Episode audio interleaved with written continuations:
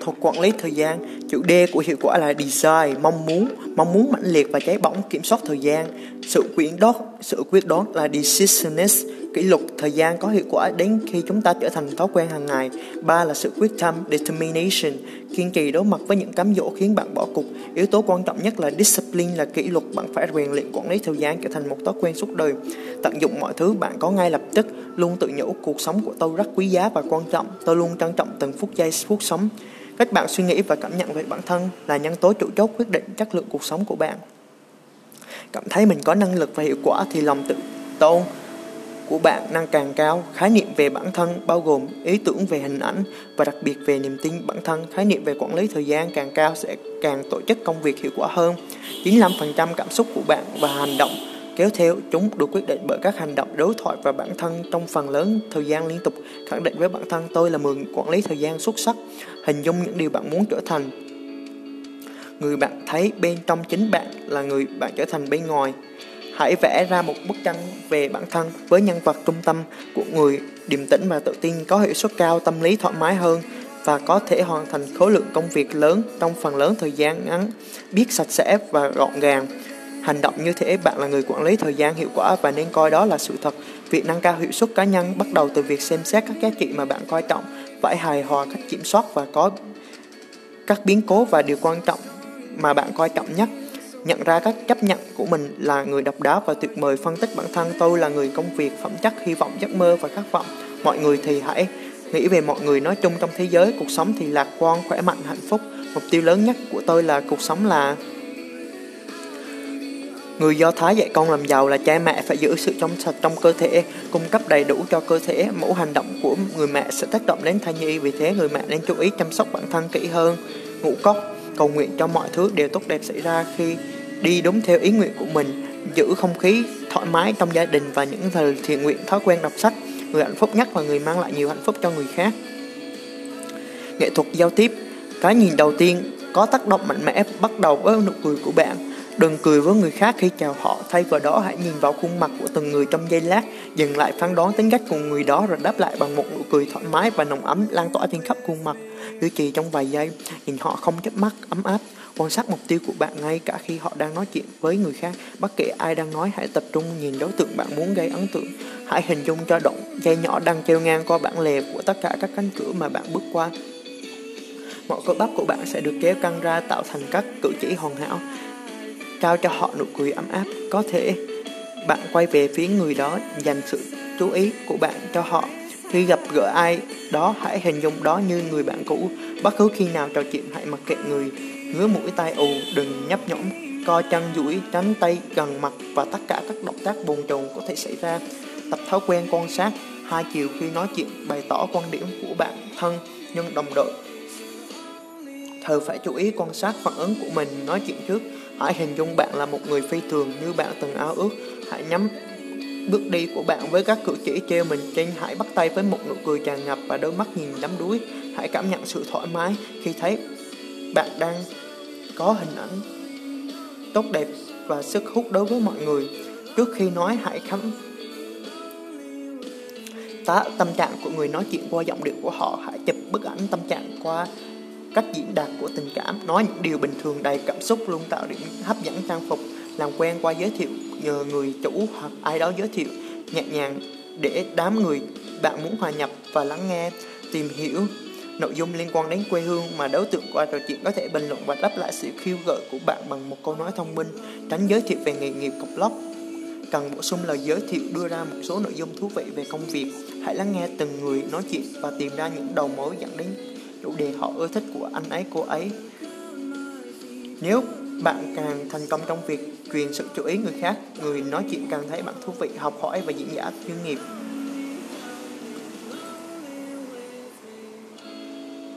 Phép lạ của sự tỉnh thức, quán niệm hơi thở thì khi rửa bát mình chỉ nên rửa một bát thôi. Rửa, nên rửa bát thôi, nên rửa bát mà nghĩ tới ngơi hay chuyện gì chỉ muốn rửa bát qua mau, xem rửa bát là cực hình thì ta không sống trong thời gian đuổi bát ta không chứng thật được phép lạ của sự sống trong thời gian đuổi bát khi đi hành giả, ý thức rằng mình đang đi, khi đứng, ý thức rằng mình đang đứng. Bất cứ thân thể mình đang sử dụng trong tư thế nào, hành giả cũng ý thức được tư thế ấy của thân thể. Tuy vậy vẫn chưa đủ.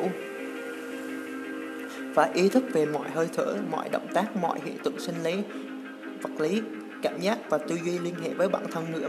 Khi ngồi cũng ngồi thật ngay ngắn và khởi niệm trong thời gian thực hiện công việc đề cao cảnh giác sẵn sàng phản ứng với một cách thông minh và hữu hiệu.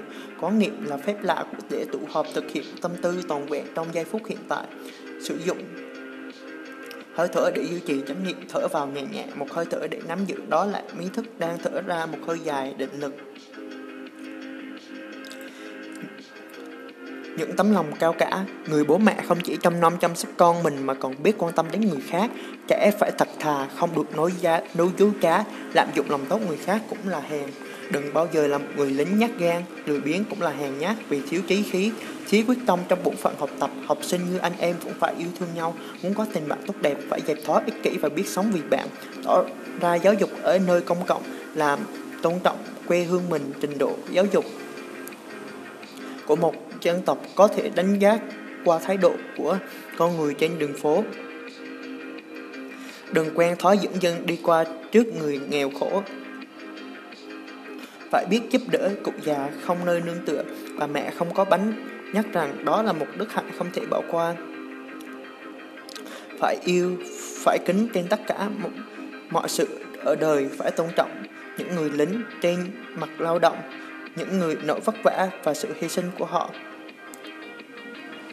Phải dịu dàng nhân từ những trước lỗi lầm của trẻ thì vẫn nghiêm khắc.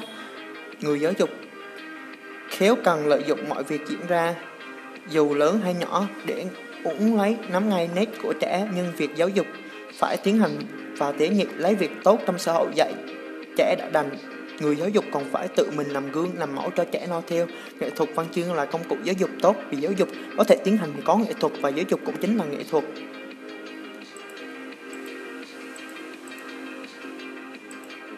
Không bao giờ là thất bại, tất cả chỉ là thử thách. Chúng ta lẩn tránh những công việc mệt nhọc mà chúng ta đang tự sắp xếp mình vào nhóm người theo chủ nghĩa thất bại. Gọi là kỳ tích, đó là kết quả của sự nỗ lực không mệt mỏi, sức mạnh tinh thần và niềm tin mãnh liệt vào công việc mình muốn làm. Tính cần cù của cha mẹ là bài học quý giá cho cuộc đời tôi. tâm toàn lực để hoàn thành công việc được giao và không phụ lòng những người xung quanh cũng như suy nghĩ một cách tích cực, luôn hạnh phúc với hiện tại và sống một cách hành lòng. Nếu suy nghĩ tích cực, nếu suy nghĩ tích cực thì việc gì cũng giải quyết được.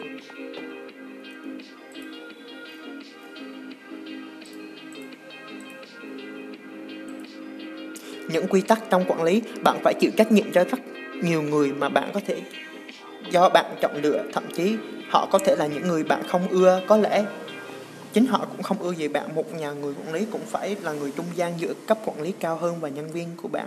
Tất cả những gì bạn làm phải là công việc của bạn. Mọi người có thể tự quản lý bản thân. Nếu như bạn tạo ra cơ hội cho họ những gì bạn cần tập trung vào là công việc thực sự của nhà quản lý đó là quản lý chiến lược hãy làm cho họ tin rằng họ làm quản lý rất lớn chiến vai trò chính nhóm của làm việc chính vai trò của nhóm làm việc là người đặt nền móng tư tưởng đi tiên phong để ra những ý tưởng mới, tìm ra các giải pháp cho vấn đề khó khăn. Hấp hối suy nghĩ cấp tiến khác biệt chiều sáng tạo là nghiên cứu tìm ra các phương pháp. Người sáng tạo thích đưa ra những ý tưởng mới và thực hiện chúng họ là những người hướng ngoại và rất được nhiều người khác mến mộ. Là người hợp tác tuân thủ theo nguyên tắc được quản lý chặt chẽ, tập trung vào các mục tiêu họ đón kết thành một nhóm thống nhất là người vạch ra kế hoạch, luôn mong muốn đạt được những kết quả thành tích, ưa thích, thách thức và khát khao được kết quả, là người đánh giá cao và phân tích phân tích đánh giá cân nhắc. Họ, những người bình tĩnh và vô tư, họ luôn suy nghĩ một cách khách quan. Những người làm việc theo nhóm luôn giúp đỡ nhau và có một tinh thần hợp tác cao, luôn đối ngoại với nhau nhằm mang lại được điều tốt đẹp nhất trong nhóm. Những người thực hiện công việc, họ càng có kỹ năng làm việc tốt, họ công việc được hoàn thành là người hoàn thành công việc, kiểm tra chi tiết các công việc. Người gọn gàng và cẩn thận họ làm việc tận tâm là các chuyên gia mong muốn trang bị cho những kỹ năng chuyên môn, làm việc rất chuyên nghiệp, họ có nghị lực và nhiệt huyết. Một nhóm không thể hợp tác tốt với nhau khi mỗi thành viên trong nhóm chỉ tập trung vào mục tiêu riêng của mình. Phải phản hồi vấn đề, bạn cho cấp trên biết. Họp có bốn mục đích thành lập, kết hợp nhóm làm việc phổ biến thông tin, đóng góp sáng kiến, đưa ra những quyết định thu thập thông tin, đưa ra quyết định xác định một, trước mục tiêu của họp và đảm bảo chắc chắn rằng bạn sẽ được một mục tiêu đó. Tiến hành cuộc họp đúng giờ và không bao giờ đợi bất cứ ai.